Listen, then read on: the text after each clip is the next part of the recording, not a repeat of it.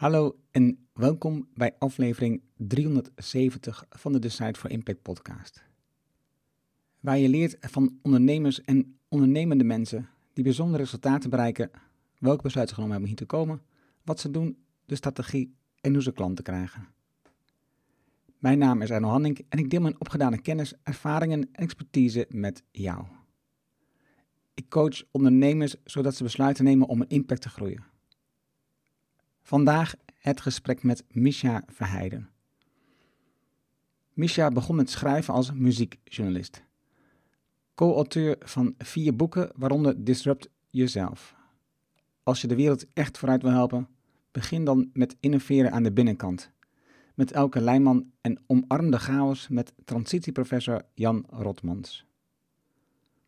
Medeoprichter van de coöperatieve vennootschap Re-Story dat de toekomst als een gezamenlijke onderneming ziet. Ze doen dat met verhalen van denkers met inspirerende ideeën en doeners met richtinggevende initiatieven. Daarnaast is Restory in Community en helpen ze bedrijven bij een storytelling rond duurzaamheid en change. Een mooi gesprek dat volgens Misha een beetje alle kanten op ging. Waarin ik probeerde niet veel de verschillen te onderzoeken, maar vooral de overeenkomst op te zoeken. Laten we beginnen. Welkom bij Design for Impact, de podcast waarin je leert van ondernemers en experts die een positieve, duurzame bijdrage leveren aan mens en omgeving. Met persoonlijke verhalen die je helpen om impactbesluiten te nemen voor jullie bedrijf. Dan nu, jouw business coach, Engel Halling. Welkom in de nieuwe podcastaflevering. Dit keer spreek ik met Misha Verheijden. Welkom Misha. Dankjewel Erno. Dankjewel om mij uh, te ontvangen in je podcast. Ja. En ik zei net al in het voorgesprek met jou dat ik al langer um, dat idee had gekregen van Tom van Lubbe om een keer met je in gesprek te gaan, omdat volgens mij onze um, fundament dat we doen op elkaar lijkt. En, uh, en Tom is van het versterken van ideeën. Dus waarom zou je niet samenwerken op ideeën als dat kan, in plaats van um, allemaal een eigen eiland te ontwerpen, want dan ja, ga je niet zo snel vooruit. En ik moet zeggen dat dat de gedachtegang van alleen ga je sneller, maar samen kom je verder. Dat samenstuk, dat heb ik sinds, uh, nou, echt sinds coronatijd wel echt omarmd. En, en, en dus ja, was het goed om je uit te nodigen voor deze podcast. En dat was, had mede te maken met het feit dat het boek, wat op een tijd op mijn bureau ligt, wat ik wilde lezen, wat we gaan bespreken in de boekenkast, Omarm de chaos, uh, wat je samen met Jan Rotmans hebt geschreven. Professor Jan Rotmans. Ja. maar voordat we over dat boek beginnen, jullie hebben een platform dat heet Restory. En wat ik al zei, het lijkt op elkaar, maar leg eens uit wat jullie willen bereiken met Restory. Mm -hmm. Um, ik, ik, denk dat je net in de introductie een heel belangrijk punt hebt aangeraakt van waar Restory over gaat. De baseline van Restory is het kan wel anders. En uh, we hebben vanuit uh, het neoliberalisme altijd gehoord dat er geen alternatief is. Thatcher werd bekend met de zin there is no alternative. En um, het idee dat er geen alternatief zou zijn, houdt ons vast in eh, het systeem waar we vandaag in zitten. En dat, dat uh, neoliberale gedachtegoed uh, stelt eigenlijk dat je het alleen moet doen en moet kunnen. Hè? Op het moment dat jij het alleen kan en je slaagt, dan ben je een winnaar. En als het je niet lukt, ben je een, een verliezer. Hè? En dan, dan kan je beter vergeten worden. Maar zowel het winnen uh, is volledig te danken aan jezelf. En het verliezen is dan jouw schuld. Dan uh, heb je op de een of andere manier pech gehad. En het, het idee dat wij in de wereld uh, proberen te zetten is dat we het samens moeten doen. En we hebben begin 2022 het woord samens als het woord van het jaar geïntroduceerd. Dus we proberen dingen ook om te draaien. Normaal kies je een woord van het jaar aan het einde van het jaar. Maar uh, we hebben dat aan het begin van het jaar. Maar het, het grote idee van die story is uh, om door verhalen van denkers en doeners te laten zien dat het anders kan. En uh, richting, of, inspirerende ideeën en richtinggevende initiatieven. daarnaast is Restory een coöperatieve vernootschap met bijna 100 coöperanten, waarmee we ook nadrukkelijk dat, dat coöperatieve element, hè, het samen doen, ehm, in de wereld proberen te zetten. En ook daar wel leren hoe moeilijk dat is. Hè? Dat, dat het moeilijk is om samen te werken, om overeen te komen. Uh, iedereen heeft andere ideeën. Ja, ook, ook te leren dat het en-en en niet of-of is, hè, waar we het net in het voorgesprek ook over hadden. Er zijn meerdere waarheden, er is niet één waarheid. Ik denk dat ik zo uh, in het kort geschetst heb. als ik naar mijn eigen platform kijk, uh, op de site van impact.com, artikelen die ik schrijf, de podcast die ik doe, de boekencast die ik doe, dat zijn alle elementen die ik doe omdat ik het enorm leuk vind en belangrijk vind om dit soort verhalen te delen. Het is niet een platform waar ik geld mee verdien. Dus ik heb geen coöperatie achter zitten om dat te organiseren. En dus ik, ik doe mijn coachingswerk om geld te verdienen, om um, uh, te leven, zeg maar. Mm -hmm hoe organiseer Want ik kan me voorstellen met 100 coöperanten, want jullie hebben een, een, plan opgeschreven op de website waar je naartoe wil bij 2030. En dan ben je nog niet. Hoe overleef je met 100 eh, coöperanten? Uh, overleven is een uitdaging. We zijn, dit, uh, we zijn Restory gestart in 2019 ehm, met een crowdfunding op de eerste werkdag van de eerste corona-lockdown. We hadden het daar straks over eh, het beste der tijden en het slechtste der tijden. Dat, dat moment was toen. Ehm, het, het, beste, het was het beste moment omdat wij het idee hadden dat de wereld zou begrijpen wat wij te vertellen hadden. Het was het slechtste idee omdat iedereen onzeker was en zijn hand op de knip hield. En uh, het moeilijk was om die, om die crowdfunding te doen slagen die is geslaagd door het idee van de coöperatie naar voren te schuiven. Mensen wilden wel aandeelhouder worden van dat nieuwe verhaal. En maar uh, een, een, coöper, een coöperatieve en, en coöperanten, dat is geen businessmodel. Daar, uh, dat is, daar kan je niet van leven. Hè? Het, het, idee van een coöperatieve is ook dat uh, op het moment dat iemand daaruit stapt, dan krijgt hij ook zijn, zijn geld terug, zijn aandeel. Dus ehm, het, het coöperatieve aspect vormt het eigen vermogen van je vernootschap. Maar dat, het is niet dat je daar echt veel uh, bewegingsvrijheid mee hebt. Dus we hebben daar wel mee, mee gestruggeld. Hè? Hoe, kun je nu ook een verdienmodel in dat platform steken? En ehm, we zijn uiteindelijk uitgekomen op, uh, op het idee om te gaan schrijven voor bedrijven, om bedrijven te helpen met hun verhalen rond duurzaamheid en change. En dus ik, ik zei daar straks al, uh, de verhalen van de denkers en de doeners, dat noemen we interactie, of inspiratie, sorry. En de, de community, de coöperanten die we geregeld samenbrengen en proberen samen te brengen, dat is het aspect interactie en de bedrijven die we helpen met hun verhalen, eh, dat noemen we implementatie. En eigenlijk die drie opgeteld, die leiden tot die vierde I, impact. Um, maar ja, dat implementatiestuk gaf ook een beetje een, een, een, een ja, een beetje een struggle rond. Uh, wij, zijn, wij, wij, noemen onszelf journativisten. Geen journalisten, maar journativisten. dat zijn Ehm, eh, activistische journalisten. In de zin, en wij bedoelen met activisme dat ook met de verhalen die we brengen, willen we iets in beweging zetten. En ik denk dat je dat herkent ook met de. Het is tof om een, een mooie podcast te maken en dat mensen geïnspireerd zijn, maar je hebt eigenlijk pas impact als, uh, als er mensen zo geïnspireerd zijn dat ze daardoor iets gaan doen of iets anders gaan doen meer dan alleen van, wauw, dit was een mooi gesprek en bijzonder, want als, als het alleen maar dat is, ben je het volgende week kwijt. Maar hoe, hoe kun je journalistiek uh, verhouden met schrijven voor bedrijven? dat is journalistiek zou objectief zijn, In, in, in onze ogen is journalistiek nooit objectief. Net zoals jij nu kiest om met mij te spreken. De mensen die ik beslis te interviewen, is altijd een subjectieve keuze. In die zin kan journalistiek in mijn ogen nooit objectief zijn.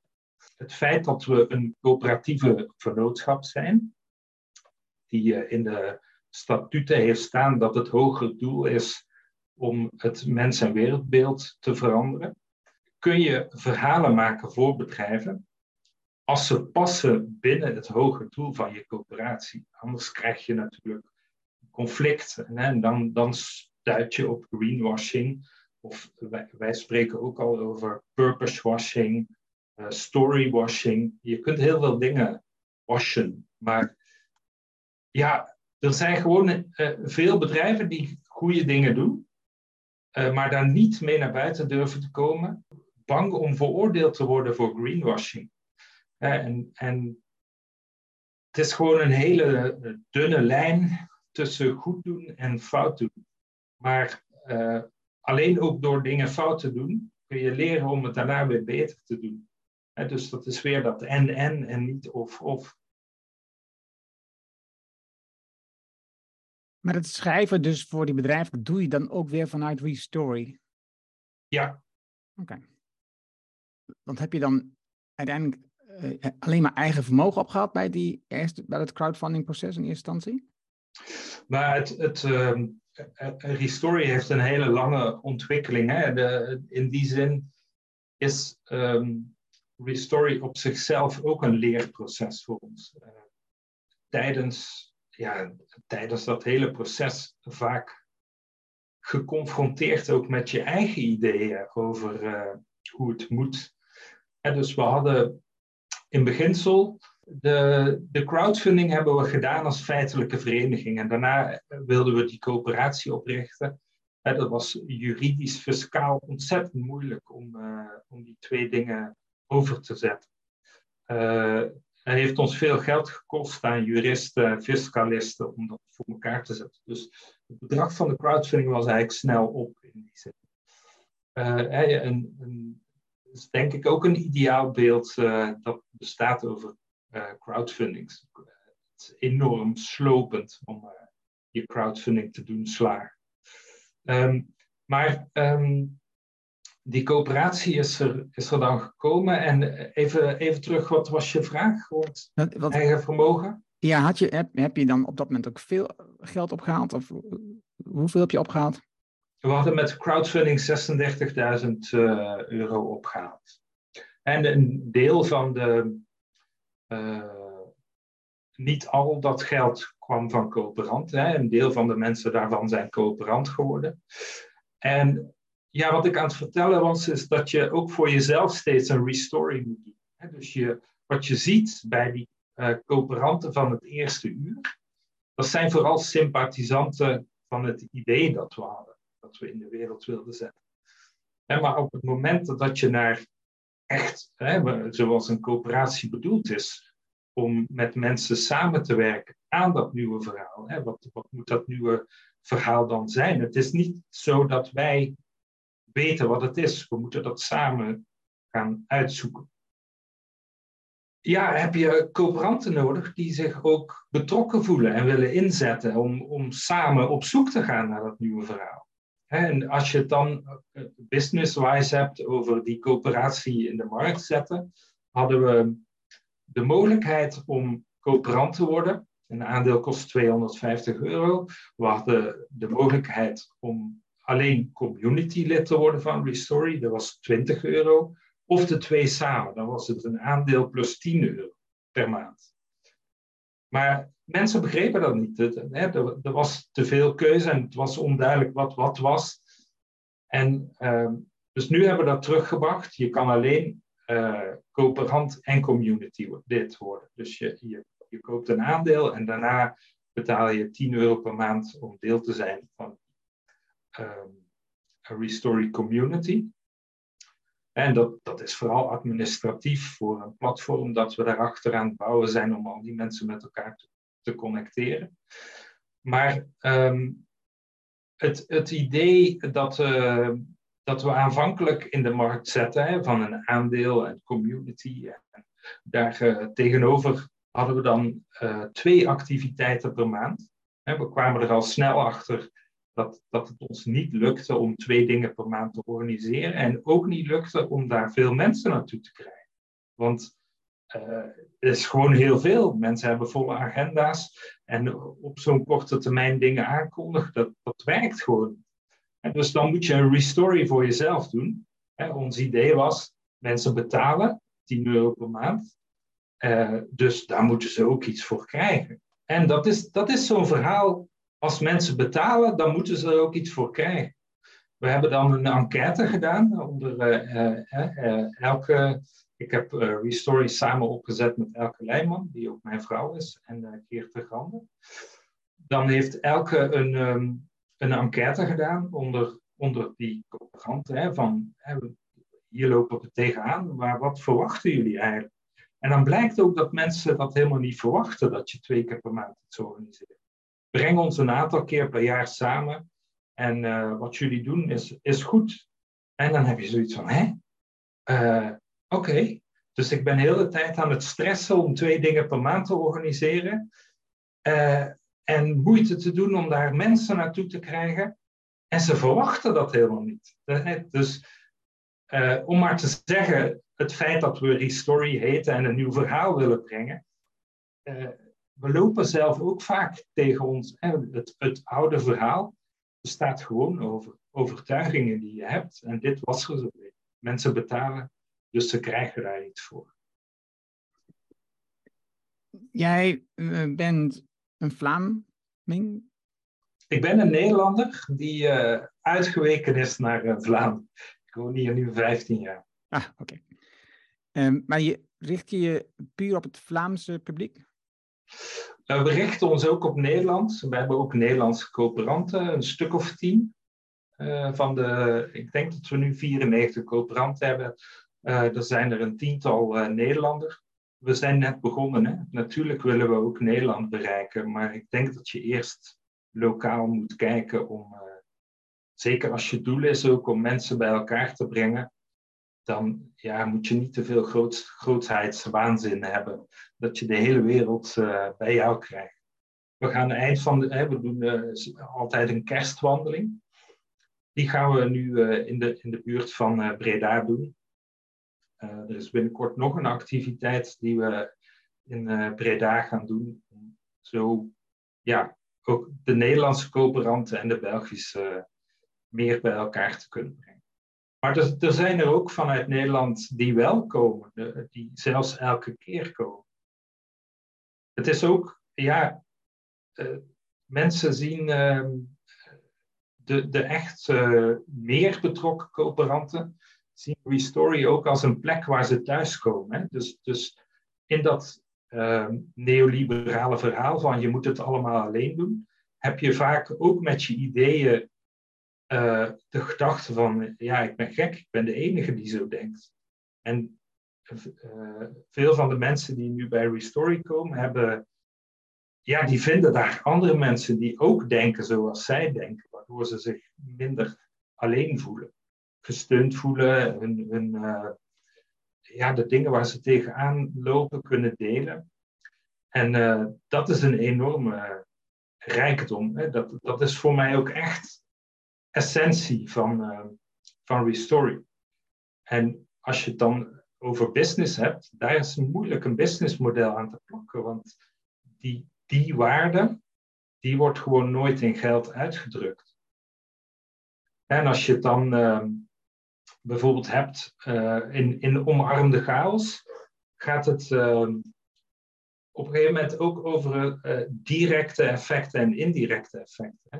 Dus als je kijkt naar de dingen die we doen om impact te creëren, kijken we vaak vooral naar de directe effecten. En als je, als je economisch kijkt, dan kijken we alleen maar naar groei.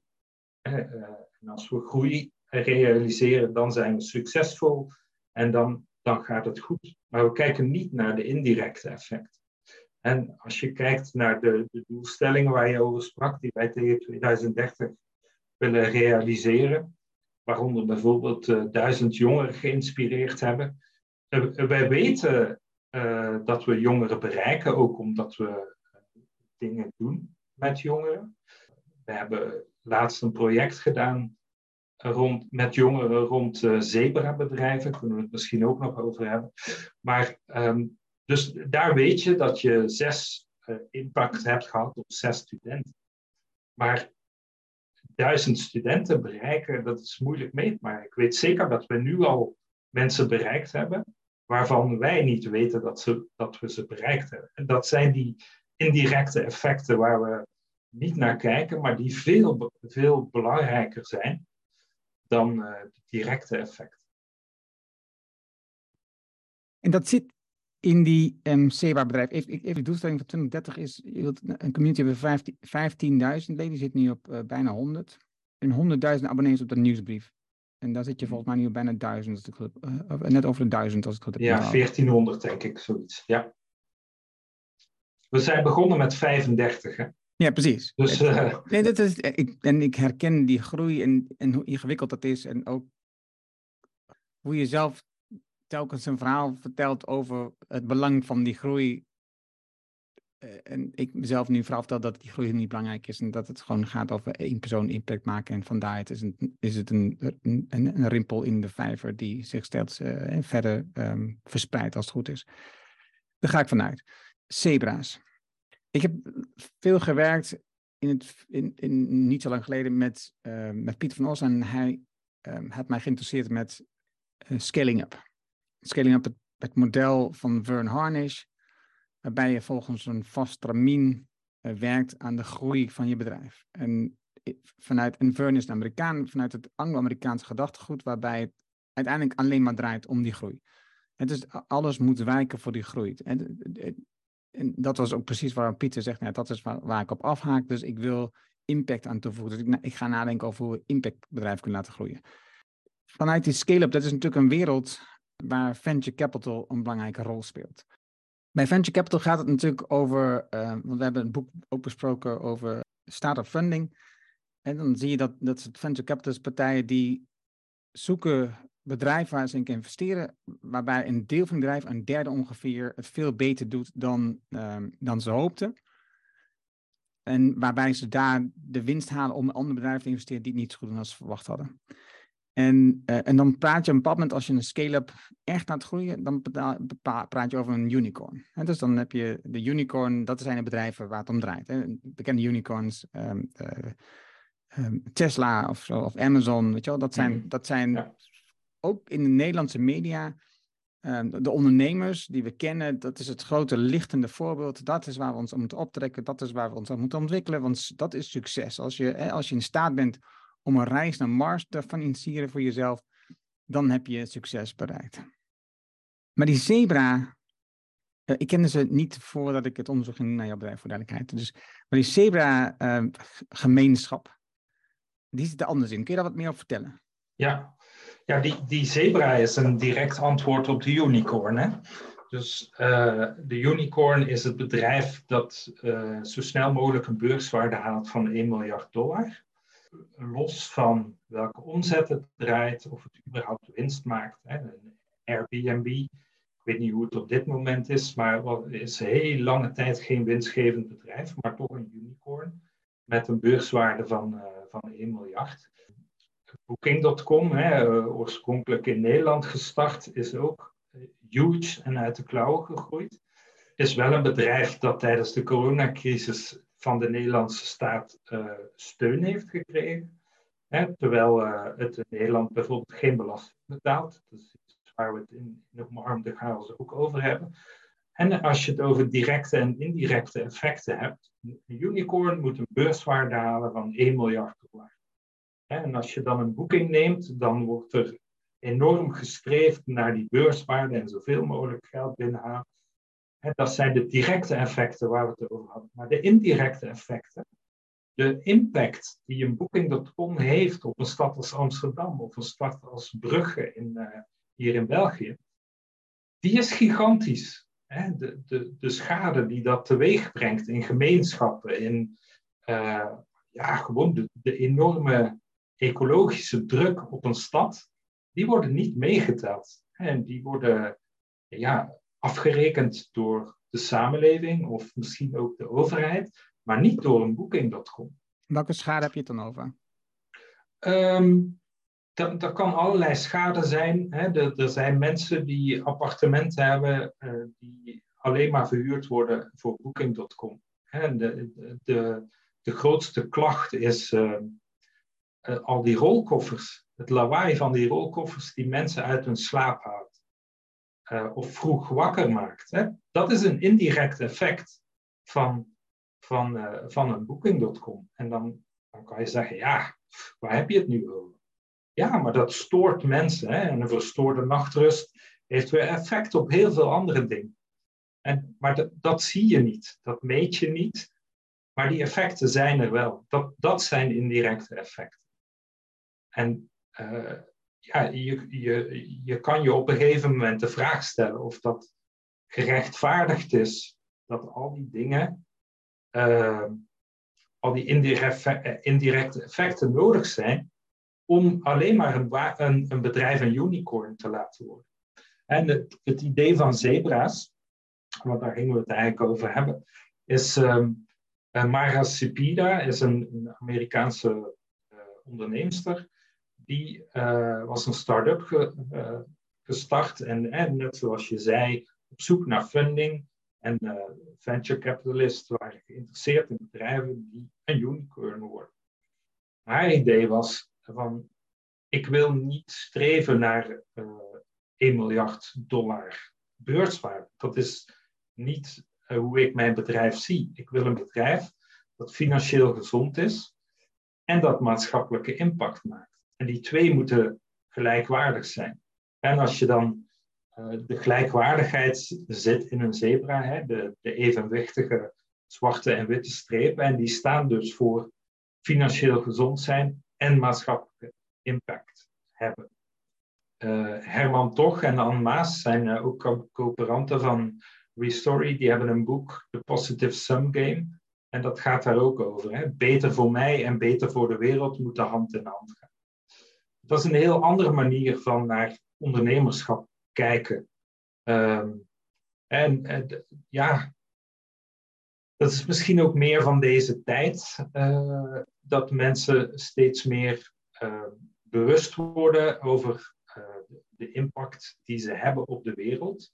Dus dat je, dat je daar ook mee bezig bent. Hè? In, in, in, de tijd waarin veel bedrijven die, nu groot zijn geworden, uh, ging het gewoon over omzet draaien en winst maken. Dat, dat was het doel waarom die bedrijven zijn opgericht. Uh, dus je moet daar ook weer zoeken naar en-en en uh, niet of-of. We, we, kijken nu heel, of ik net ook, hè, veroordelend naar Booking.com.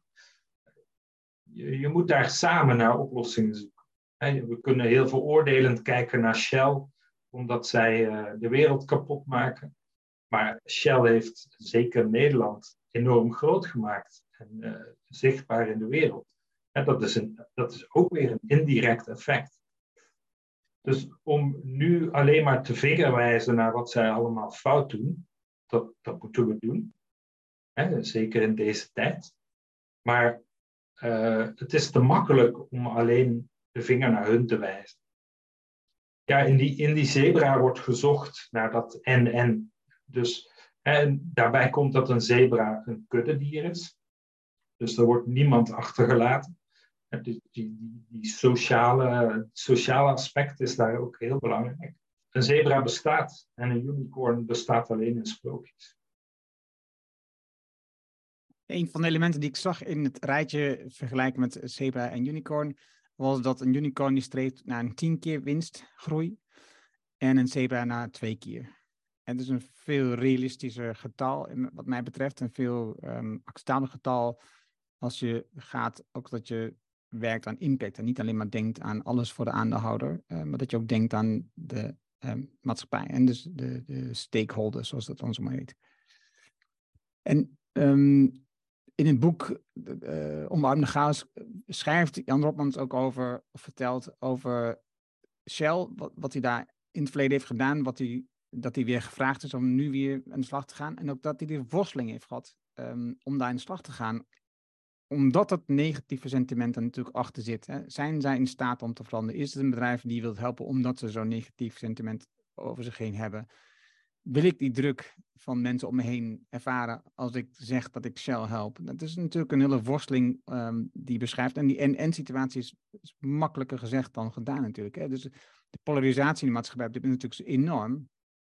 Het is, je zit of aan de goede of aan de slechte kant. Dat is natuurlijk. Um, en, en, dat maakt eigenlijk niet uit op welk onderwerp je het hebt. Hè. Dus, is elk onderwerp heb je, dat, heb, je, heb je dat gesprek op dit moment. Is het, ben je goed of ben je fout? En daar gaat het gewoon helemaal niet om. Het gaat er gewoon om dat we nadenken: oké, wat, is, wat is wat we samen moeten doen om, om tot het goede te komen met elkaar? Jullie zijn ook een chapter begonnen. Um, uh, van die Zebras Unite, dat is wat ze dus doen. Ze zijn een soort gemeenschap die zich verspreiden om ook lokaal te informeren en inspiratiesessies en bijeenkomsten te organiseren over dit onderwerp. Klopt dat? Klopt. Dus uh, Zebras Unite is de organisatie uh, die uh, Mar Sepida en nog een aantal mensen hebben opgericht. En dat is ook een coöperatieve vennootschap. Dus wij zijn coöperant van Zebras Unite en wij zijn de Zebras Unite Chapter Gent. Uh, er is er ook een in Amsterdam, er is er een in Parijs, Schotland uh, is er een. Dus in Europa zijn er nog niet zoveel. Maar als je luistert en je denkt, ik wil iets met die zebra's doen, je kan bij jou lokaal een zebra starten. En ook daar heb je een bepaald idee. Hè? Dus ja, Zebras Unite is gestart in Amerika. We hebben gevraagd om uh, de chapter van België te worden. Want ja, uh, hoe, groot is België nou? Uh, maar zij, zij, zien het echt als chapters als steden.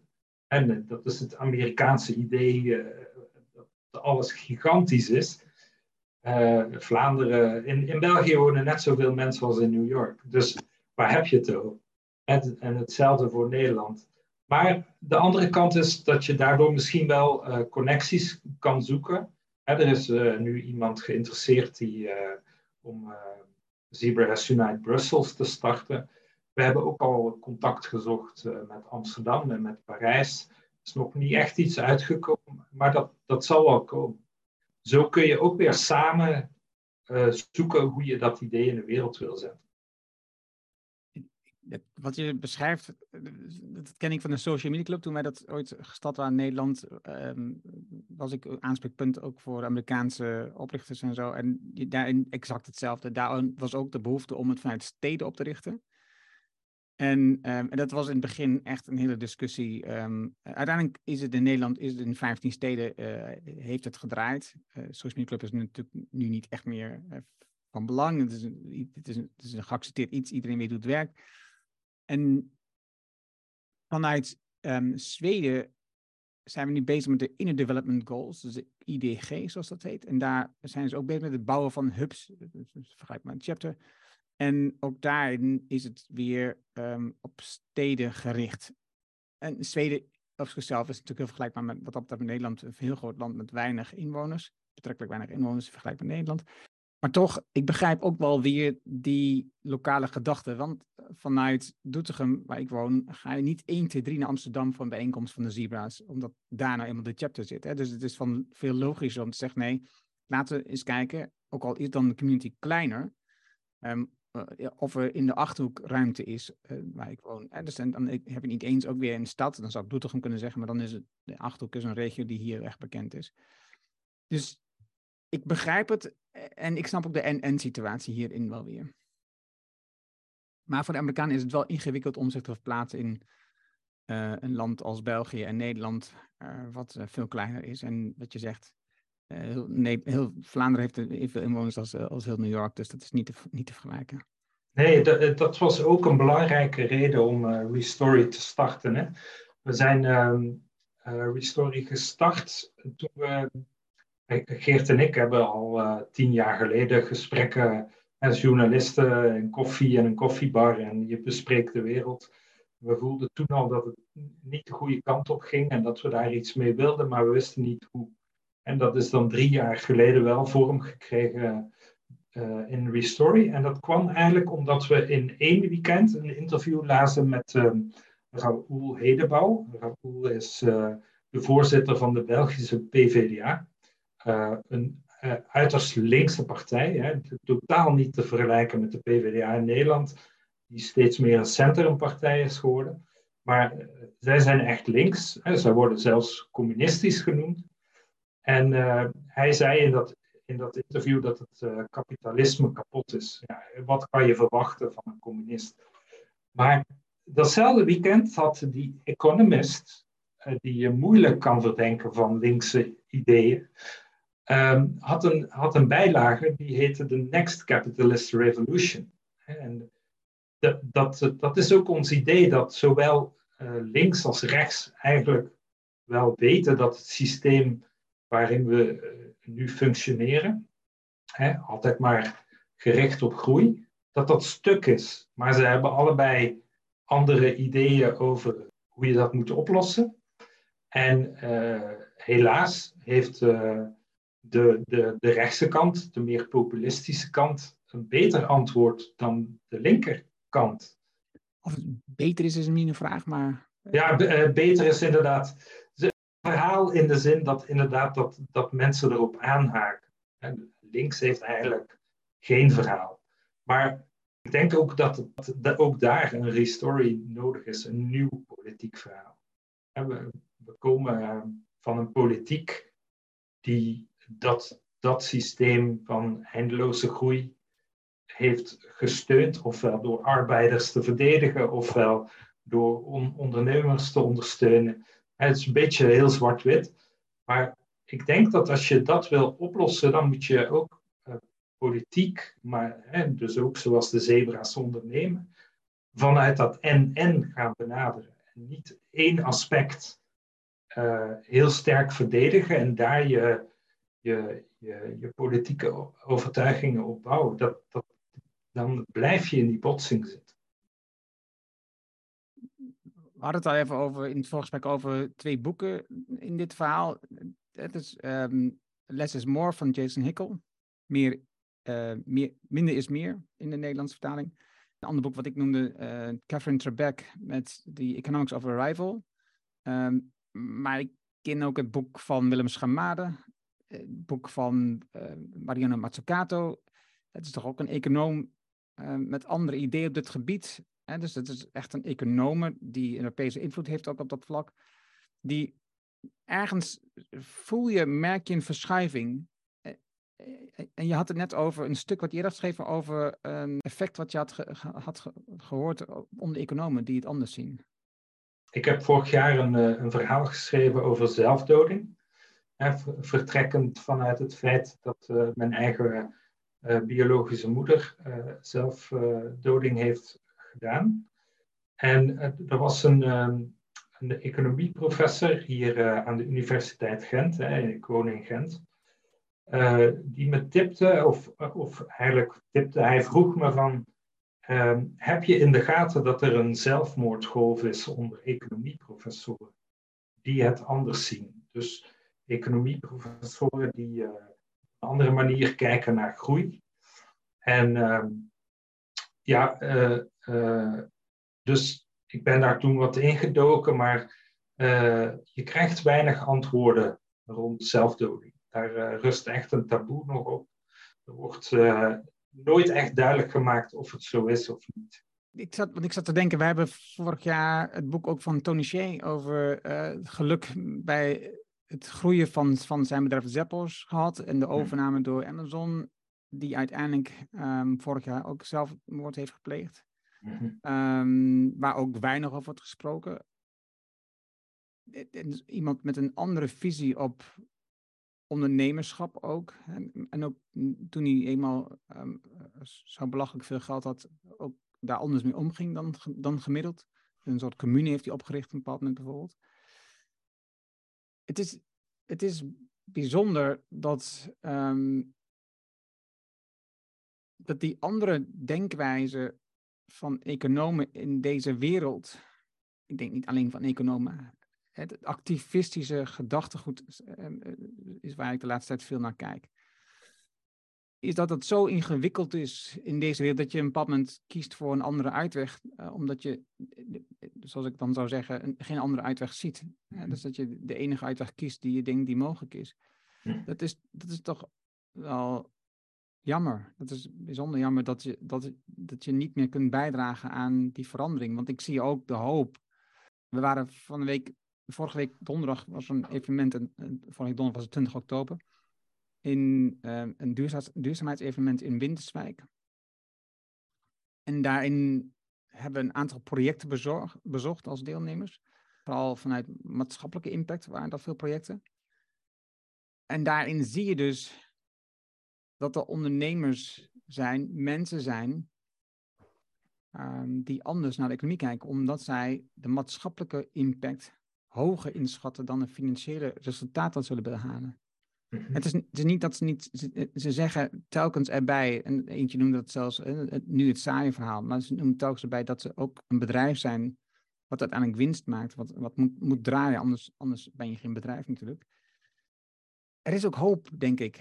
Het is, mhm. er, er, zijn ook kansen die we kunnen aangrijpen. Ehm, en ook als econoom, denk ik, om te laten zien, zoals Willem Schamara doet, die bijvoorbeeld publiceert in, in, een, uh, in een blad rondom um, effecten en aandelen en zo om, om te laten zien dat het anders kan. Mhm. Ja. Het, en dus daarom ook, denk ik, het belang van het platform als Restory. Ja, zeker. Ik denk dat voorbeelden het meest inspireren. En mensen ook doen beseffen dat ze niet gek zijn. Dat ze niet de enige zijn die zo denken. Dat de ideeën die ze hebben wel degelijk waardevol zijn. En dat ze daar iets mee kunnen of moeten doen. Ja, en voor, en voor mij past dat dan naast de verhalen die we nu in de media zien, bijvoorbeeld van de Extinction Rebellion activisten, die vrij veel rumoer maken met activistische acties, waar veel mensen geen goed woord voor over hebben. En tegelijkertijd, diezelfde mensen klagen niet over de schade die nou ja, een Shell of een ander bedrijf aanricht aan de wereld. Mhm. Eh, wat net zo destructief is um, voor onze culturele erfgoed, of, nou ja, hoe het, of onze biotoop of onze ecologie of wat dan ook. Dus daar wordt niet over geklaagd. Hè? Dus dan hebben we het over twee activisten die zich um, die, uh, een blik soep hebben gestort over een schilderij in Nederland. Mm -hmm. Twee Duitsers die aardappelpuree hebben gestort over een schilderij in, um, in Berlijn, was het volgens mij. En ja. activisten die zich vast hadden gelijmd aan Porsches in Hannover, volgens mij. Mm -hmm.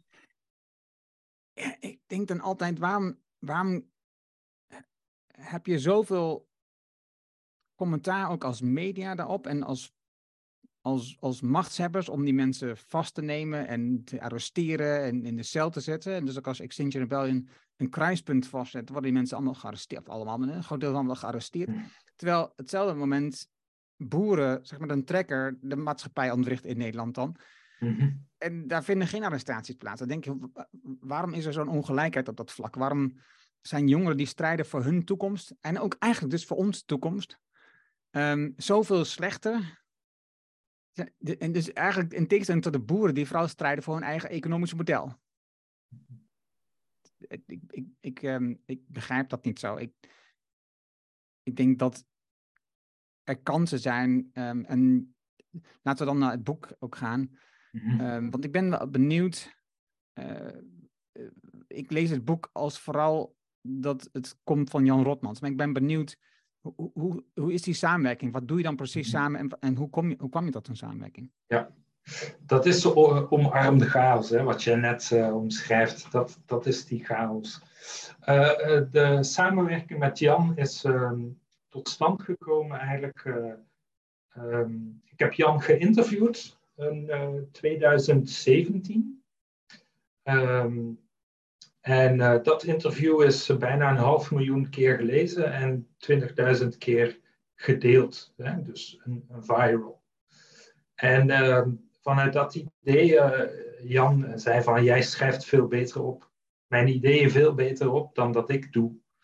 En uh, wil je met mij een volgend boek schrijven? En dus de, uh, de, boeken die Jan tot dan toe had, zijn een vrij wetenschappelijke benadering. We hebben het nu, dat, dat, is mijn aandeel dat ik heb proberen bijdragen, dus het veel toegankelijker te maken. Veel toegankelijker taal, dat, dat iedereen mee kan volgen in dat verhaal. En ehm, dus zo is die, die, die samenwerking tot stand gekomen. En ik, ik ben dus co-auteur, dus de, de belangrijkste ideeën komen van Jan. Uh, ik heb een aantal dingen ook toegevoegd, maar uh, het hoofdgedachtegoed is, is Jan zijn gedachtegoed. Uh, voor, voor mijzelf is het laatste hoofdstuk het belangrijkste. Dat gaat over de, de persoonlijke transitie. Ik heb samen met mijn vrouw Elke, die ook in Restory zit, heb ik het boek Disrupt Jezelf geschreven. Um, als je de wereld echt vooruit wil helpen, begin met innoveren aan de binnenkant. Daar gaat dat hoofdstuk ook over. En daar, daar gaan de IDG's ook over. Uh, waar ik overigens wel bedenkingen bij heb, omdat um, uh, de, de, de, de IDG's gaat ook over meetbaar maken van persoonlijke ontwikkeling. Dat, dat is volgens mij heel moeilijk. Dat, dat, dat, is, dat is een verhaal wat waarschijnlijk gaat veranderen. Ah ja, ja dat lijkt me laat heel ik goed. In, laat ik het in jouw woorden zeggen. en, maar um, ja, die, die persoonlijke uh, transformatie, die moet ieder op zichzelf doen. Die is voor iedereen anders. Daar is geen, daar is geen format voor hoe je dat doet. Uh, dat, ja, dat is een persoonlijke worsteling. En, um, en dus, en de IDG's hangen ook vast aan de SDG's. Hè, en eh, je hebt wellicht ook gezien dat daar steeds meer weerstand tegen uh, komt. bijvoorbeeld omdat daar ook nog altijd economische groei een deel van is. Dus het is een. Ja, de, de SDG's is voor mij eigenlijk een verhaal om het oude verhaal. Uh, het is nieuwe wijn in oude zakken. Uh, we doen het net iets anders, maar we blijven toch doen wat we altijd deden. Kees Klomp en Shinta Oosterwaal, uh, Nederlanders, hebben het uh, SDE-principe, de Sustainable Development Enablers, uh, ontwikkeld. Waardoor um, je, ik denk dat er 1 of 21 of 22 ideeën die ze hebben om echt uh, aan de slag te gaan met uh, sustainability. En uh, wel verrassend is, vonden wij natuurlijk wel leuk, de, de vijfde SDE, die noemen zij extreem fundamenteel. En die heet Restoriation.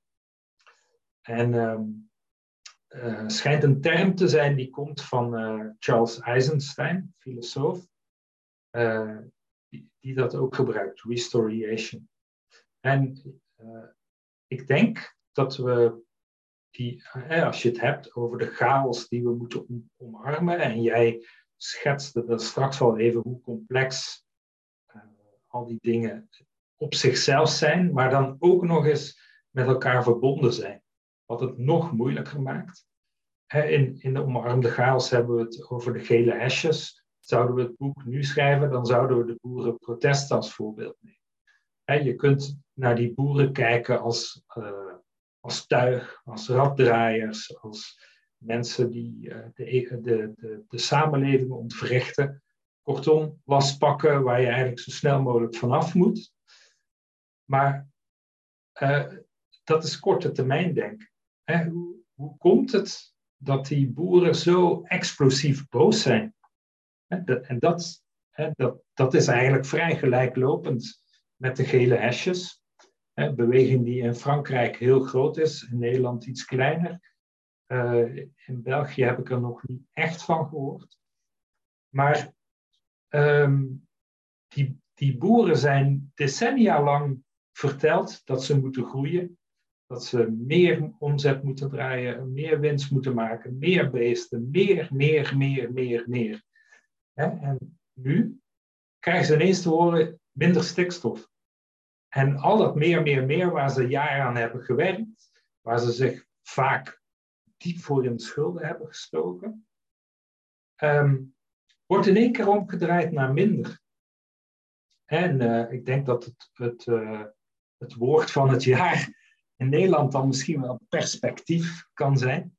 Want dat hoor je steeds in de discussies. Die boeren wordt geen perspectief geboren. En ik denk dat dat uh, inderdaad het, probleem is. Dat er weinig perspectieven worden geboren. En uh, dat, dat is wat we moeten doen met de chaos omarmen. Is samen zoeken naar welke nieuwe perspectieven zijn er wel mogelijk om uit die chaos te komen. Um, en ja, de, de, kern hiervan is dat we vooral korte termijn denken, zowel in de problemen als in de oplossing. Waardoor we steeds in hetzelfde verhaal blijven ronddraaien en hier uiteindelijk niet uitkomen. En je, noemde er straks Jason Hickel. Uh, we, we, kijken dingen vaak vanuit economische standpunten. Jason Hickel is een antropoloog. Um, met Tom heb je ook uh, het boek Het Begin van Alles besproken van um, David Graeber, uh, die ook antropoloog was. ook helaas veel te jong overleden. Ook daar onduidelijkheid over, is, was dit nu zelfdoding of was hij echt ziek? Maar um, Jason Hickel laat heel duidelijk zien in zijn boek. Ik hoop dat jullie het nog gaan bespreken, want het verdient die aandacht echt. Hij laat heel duidelijk zien dat de situatie waar we vandaag in zitten een verhaal is dat ons verteld is, dat we onszelf vertellen, dat we zelf in stand houden. En, en het is een verhaal dat uh, al millennia oud is, uh, of uh, eeuwen in ieder geval, maar het gaat heel ver terug in de tijd. Uh, hij beschrijft heel duidelijk hoe uh, vanuit het feodale systeem het kapitalisme is ontstaan. Uh, welke rol de kerk daarbij speelt, niet te onderschatten.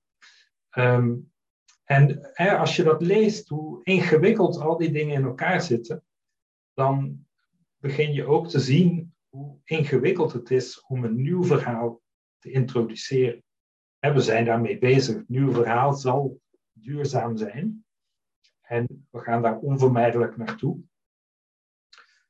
Maar voordat dat daar is, hè, we, we, kijken nu qua doelen naar 2030, 2050 hooguit, om, uh, stik, om uh, de, de CO2-uitstoot tot nul te reduceren. Maar daarmee zijn we er niet. Hè. En dan kom ik terug bij uh, het laatste hoofdstuk, die persoonlijke transformatie.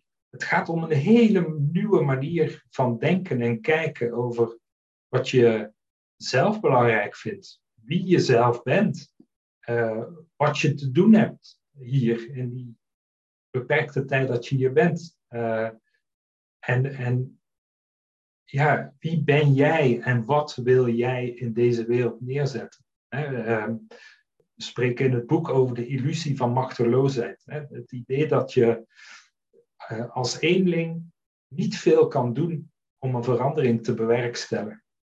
De, de grootste veranderingen komen altijd van eenlingen. In het boek geven we het voorbeeld, voorbeeld van uh, Greta Thunberg.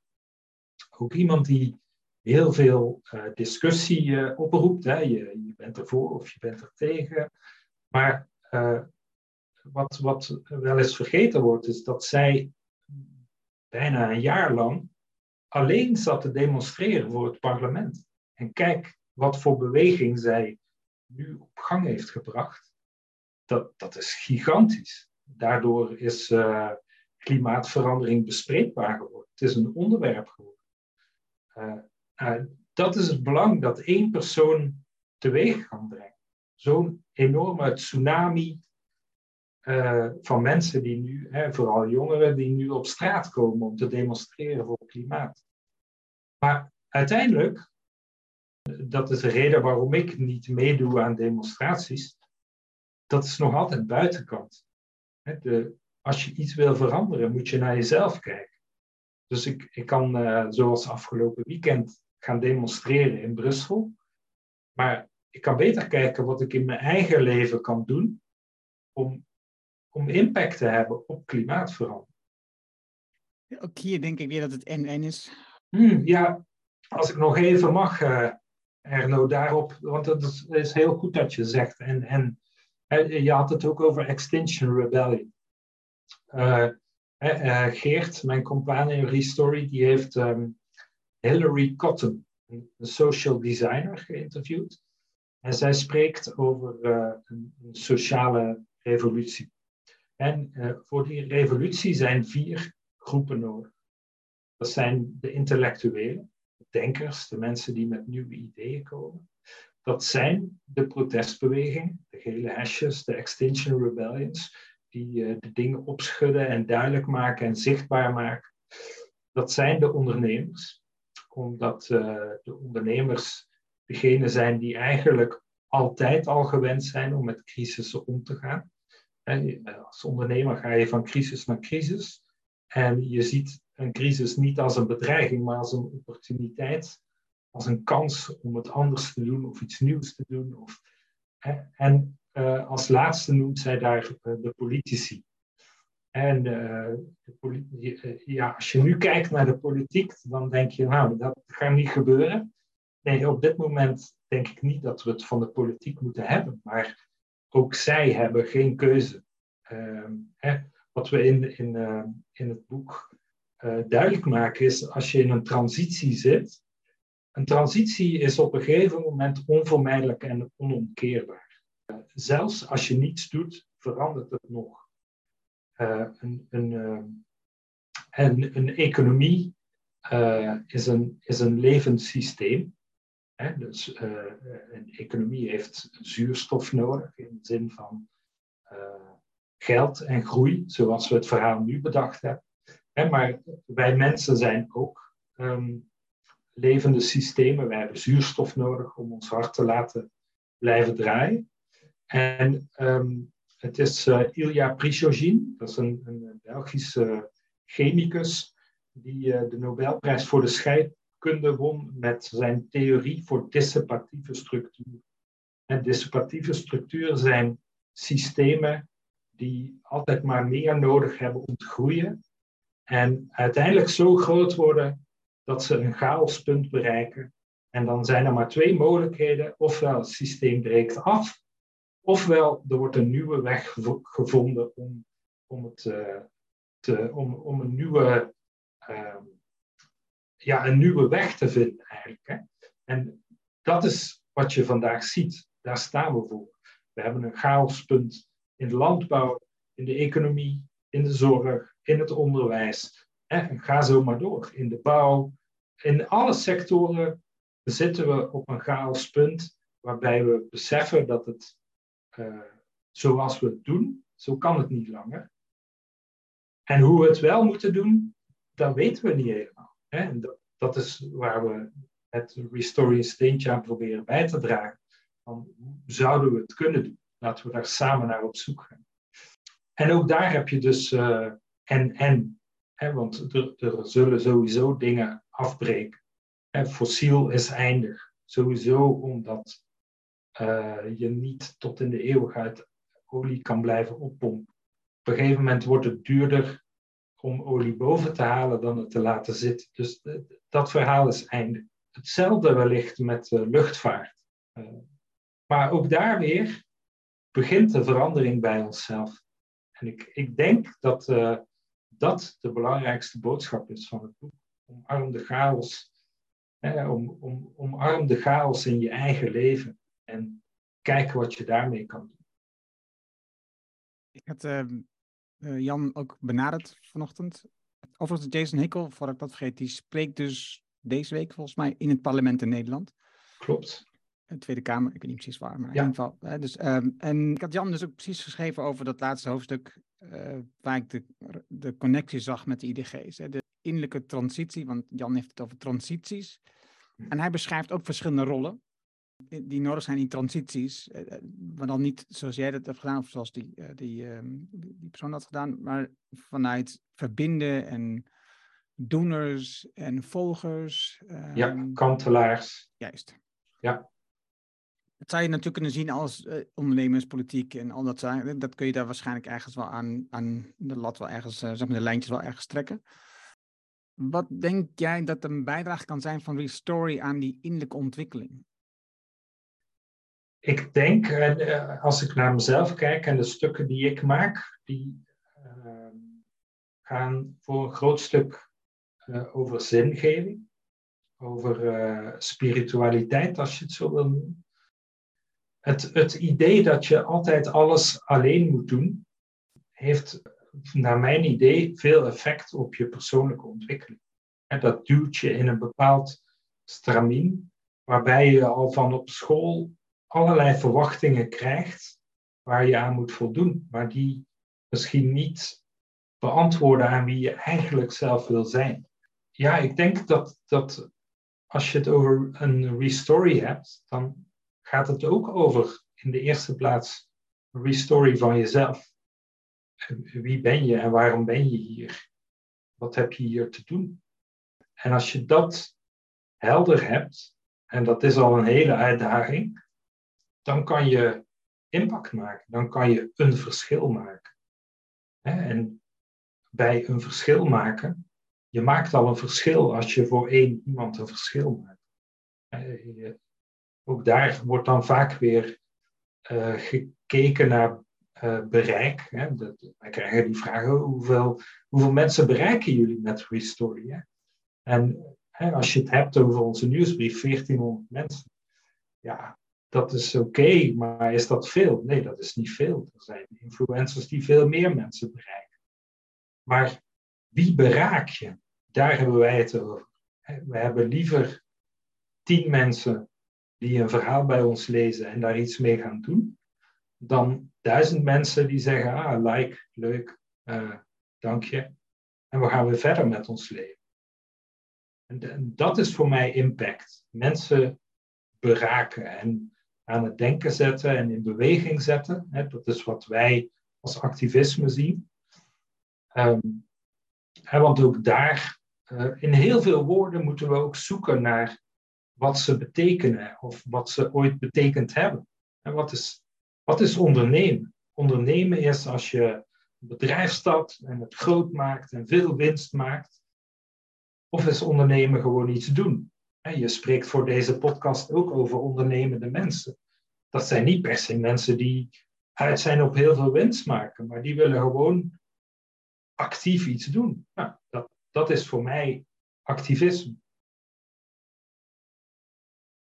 Ik merk aan de ene kant dat ik het zelf ingewikkeld vind om.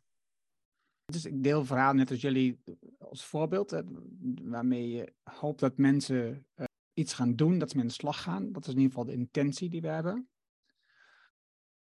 En tegelijkertijd, als je nadenkt over de innerlijke transitie, dan is het toch op een bepaald moment, um, en daar schrijft Jan ook over, over een evenement in je leven die dat vaak in gang zet. En dus een ingrijpend evenement in je leven die dat in gang zet, de, de, de transitie in jezelf, en waarschijnlijk zelfs meerdere in je leven, waardoor je verschillende transities doormaakt.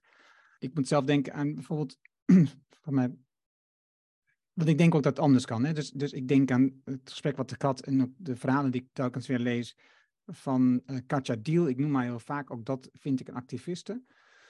En zij heeft het over uh, hoe wij omgaan met mobiliteit. Mhm. En dan met name de focus op de auto in de, in de samenleving. Het bezit van auto vooral. En toch door, en overigens, ik volg, de vergelijkbaar voorbeeld is dat ik dus uh, uh, Mr. Vegan volg op Twitter. En, hij is ook heel activistisch en hij, beschrijft heel actief uh, richting slagers en boeren. Telkens weer, telkens weer, telkens weer. Um, maar door mensen als Mr. Vegan en zoals Katja Deal te volgen, merk ik dat mijn innerlijke ontwikkeling, mijn, mijn transitie op gang wordt gebracht op dat soort vraagstukken. Hè. Dus, dus door, ze, door, door de weerstand op hun gedrag heen te gaan, op hun activistische gedrag, maar ook door hun ja, punten die ze je zichtbaar maken, um, die, ze, die ze herkenbaar maken van verrek hoe het altijd verteld is, dat is eigenlijk dat is misschien niet de beste waarheid die, die we, die we die moet geloven. En, en, dat, is niet, dat is niet prettig om dat te horen, want het is natuurlijk wel waarin je ja, je leven hebt ingericht, waar je je veiligheid aan hebt ingericht, waar je je zelfvertrouwen hebt ingericht en je eigenwaarde hebt ingericht. En, en nu wordt het door zo'n iemand um, aangetast. En dat is niet leuk. En ik, heb, en ik heb bijzonder veel waardering voor dit soort mensen.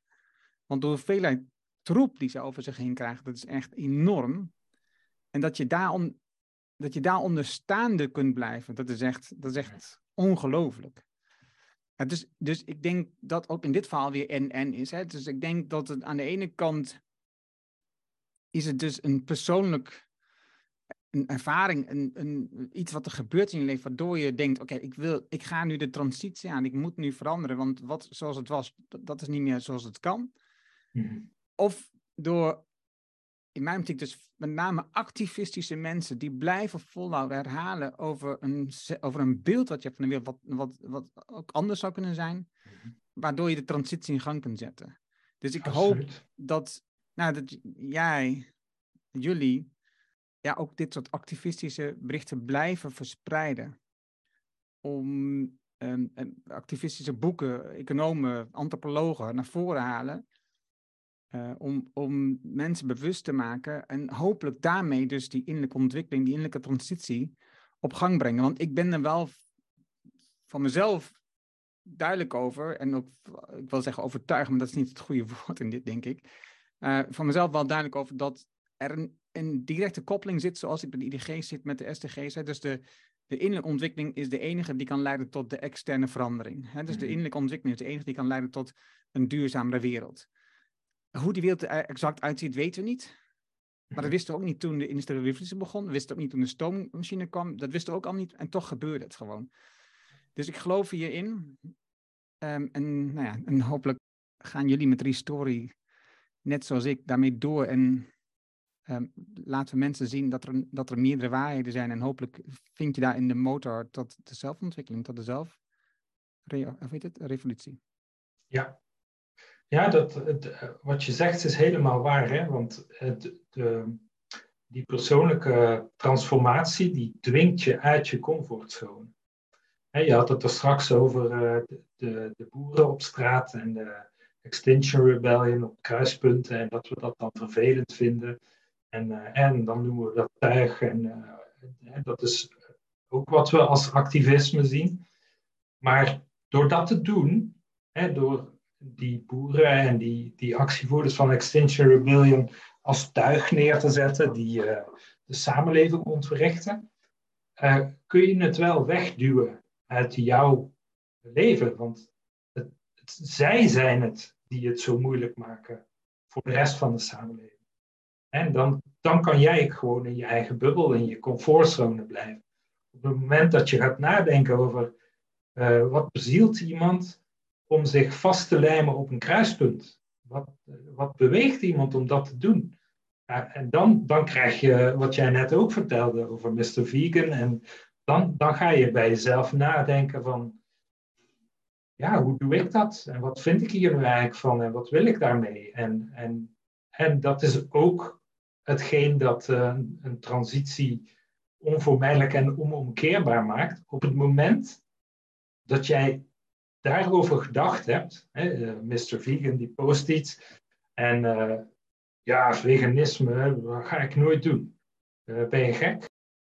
Maar dat zaadje is geplant bij jou en je kunt, je kunt dat niet meer wegdoen. Dus niet dat je daardoor per se een veganist zal worden, maar je gaat toch op een andere manier kijken naar wat je eet. En ja, welke beslissingen je daarin maakt.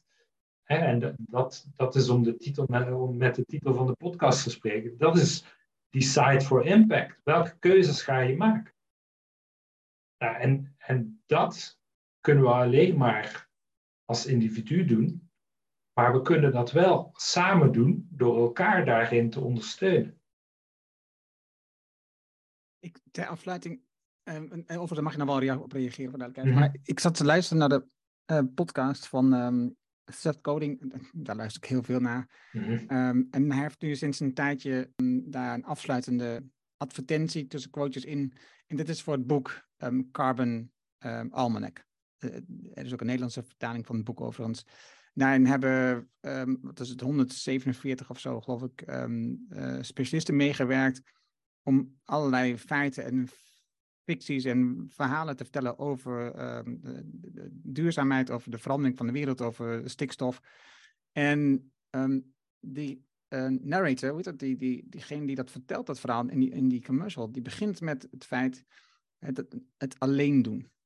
Dus het, het, het, het feit dat we het gevoel hebben dat het probleem dusdanig groot is, dat we, dat we dat alleen niet kunnen veranderen. En daarop zegt hij, en dat is precies um, wat ze willen.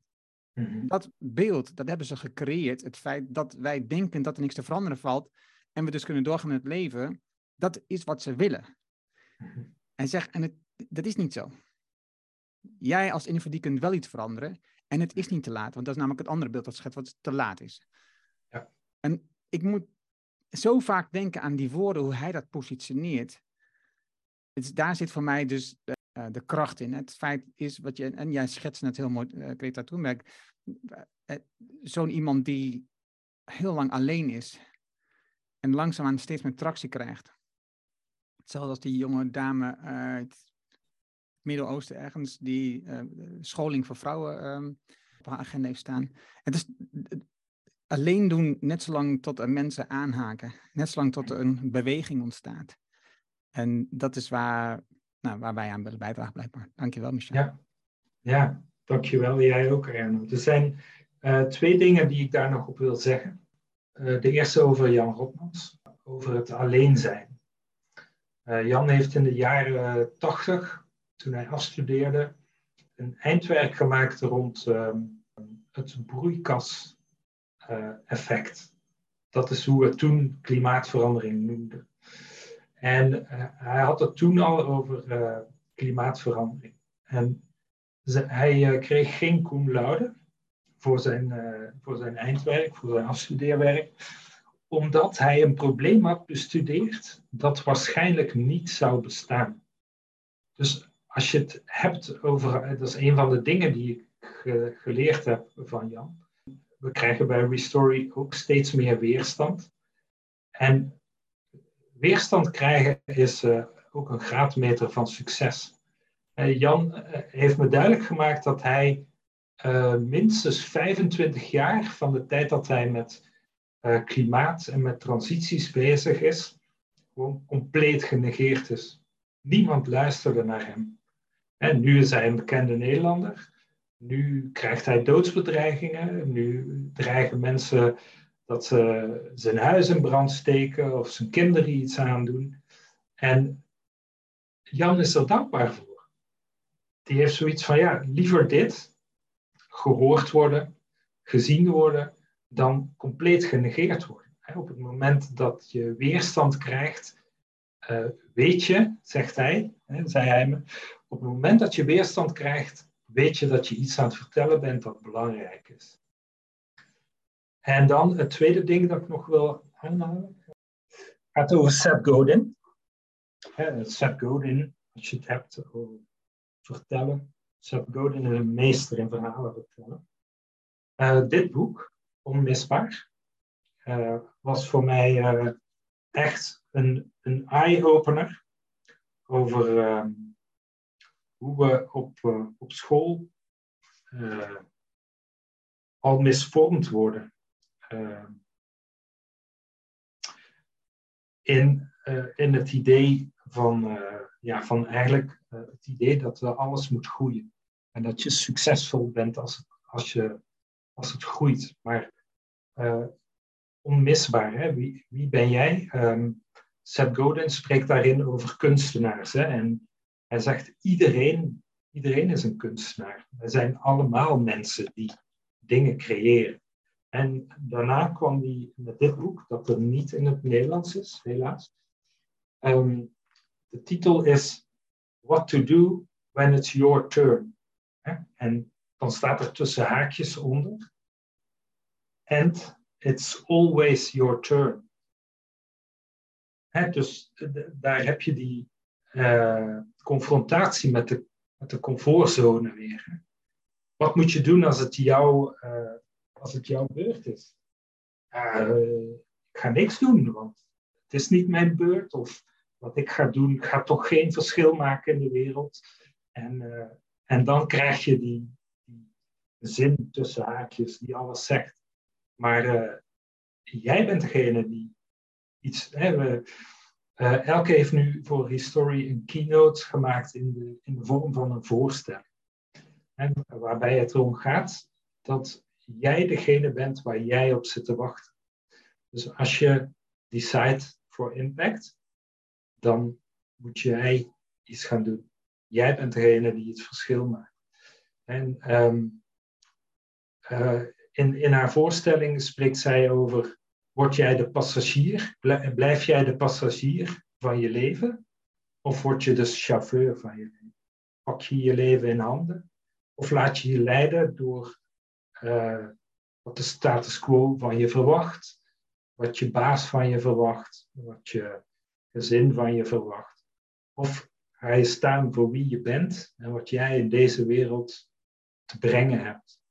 dat is volgens mij uh, het cruciale punt van Decide for Impact. En uh, voordat ik het vergeet, als je naar restory.be gaat, daar kun je je abonneren op de nieuwsbrief. Klopt. Dan ben je abonnee 1403 of 8 of 10 of 12 ja. of 1500. Uh, maar dat is waar je dan elke week een e-mail krijgt waarin uh, de laatste recente artikelen staan van de site. En het zijn telkens, uh, ook al noem je jezelf geen journalist, heel erg journalistieke verhalen onderzocht. Goed geschreven, dus, um, dus dank je wel daarvoor. Dank je wel voor het gesprek, Micha. Dank je wel, Herno. Dank je wel.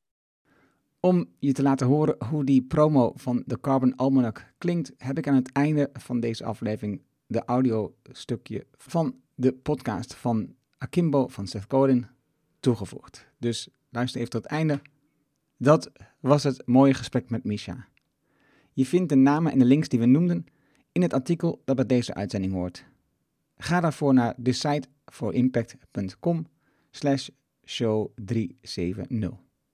Wil je automatisch de volgende afleveringen van deze podcast op jouw telefoon ontvangen? Dat kan heel eenvoudig. Heb je een iPhone, dan zit daar standaard de Apple Podcast app op. Open die app en zoek op de Decide for Impact podcast. En klik op abonneer. Heb je een Android-telefoon, installeer dan bijvoorbeeld eerst de Player FM app. Zoek de Decide for Impact podcast op en klik op abonneer. Dankjewel hiervoor. Heb je een vraag, een opmerking, een reactie over deze aflevering met Misha of over de podcast in het algemeen? Stuur dan een e-mail naar podcast@decideforimpact.com. Ik hoor super graag van jou. Wil je meer impact, meer resultaat, meer effect van je werk en meer effect voor de mensen met wie je werkt? Download dan het whitepaper Winst en Impact met lange termijn besluiten op decideforimpact.com. Dit is mijn nieuwste whitepaper en je downloadt het daarom helemaal gratis. Je hebt zelfs geen e-mailadres nodig. Mijn nieuwste boek is altijd gratis, vraag het daarom nu aan. Je vraagt jouw whitepaper aan op decideforimpact.com. En ik weet, je hebt een volle agenda, je leest het in één avond uit. Dankjewel voor het luisteren en graag tot de volgende. En dan nu, zoals beloofd, een korte outro met de promotie van de Carbon Almanac, samengebracht door Seth Godin. There's a big problem that's changing everything about the world as we know it carbon and the impact of humans on the earth. We talk about it with words like climate change and global warming. But there's just two really important things that you need to know about it. First, this is an overwhelmingly big problem. So much so that it's likely that you feel as though your choices don't matter in the face of it.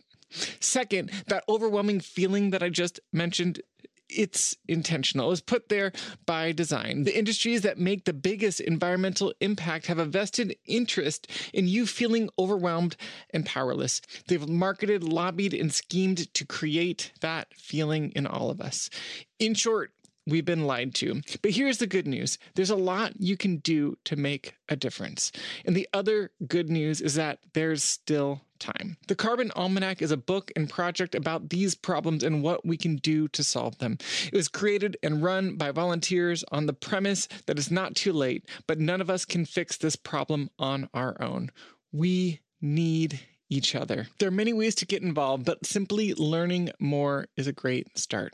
Here are three steps you can take. First, go to thecarbonalmanac.org and sign up for the Daily Difference emails. They give you a short thought and a practical action that you can take alongside thousands of others every day. Second, get the Carbon Almanac book. It's full of facts, articles, graphs, and art. It's beautiful and fun to engage with. It's all footnoted and fact checked. And importantly, it's made by volunteers whose only agenda is to solve these systemic issues. You can find it wherever books are sold. Finally, since you're listening to a podcast, search for the Carbon Almanac wherever you're listening. You'll find the Carbon Almanac Podcast Network and a few shows featuring expert insight, discussion, inspiration, and ways to take action. Even a show just for kids.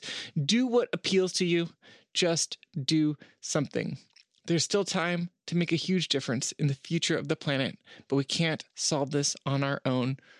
Join us. Dankjewel voor het luisteren naar deze aflevering van de Decide for Impact podcast. Ga voor jouw volgende stap naar decideforimpact.com.